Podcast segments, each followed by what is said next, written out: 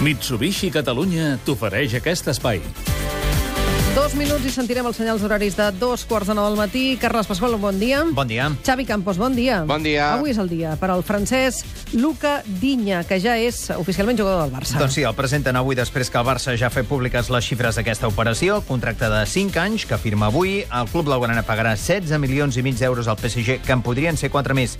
En funció de variables, clàusula de rescisió de 60 milions d'euros. Dinya passa aquest matí la revisió mèdica. Aquella imatge típica. Escolta'm, Sí. Xavi, ara només queda reforçar la davantera. Sí. Vieto de l'Atlètic de Madrid mm, mm, és l'opció escollida?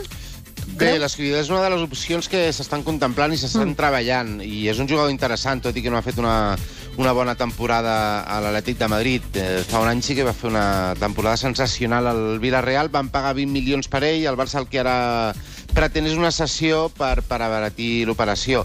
Si, si no hi ha cap sortida, només falta la peça del quart davanter, de l'alternativa per Messi, Suárez i Neymar.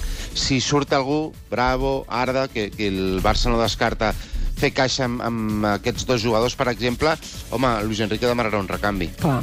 Leo Messi, que es queda sol en la defensa de la seva causa. Sí, la Fiscalia no presentarà recurs contra la sentència judicial de l'Audiència de Barcelona i això que la Fiscalia, recordem-ho, durant el procés havia defensat la innocència de Messi. El jugador sí que presentarà recurs al Tribunal Suprem. I això què pot implicar, Xavi?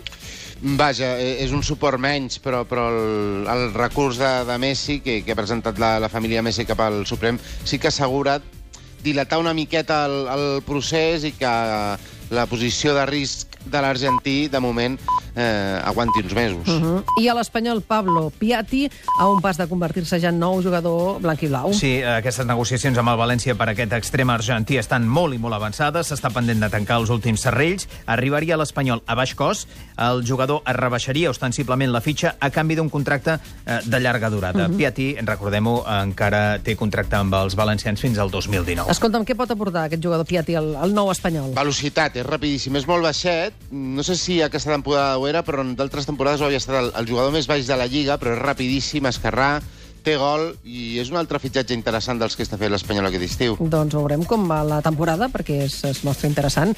Uh, Xavi Campos, Carles Pasqual, gràcies. Bon dia. Que vagi bé, bon dia.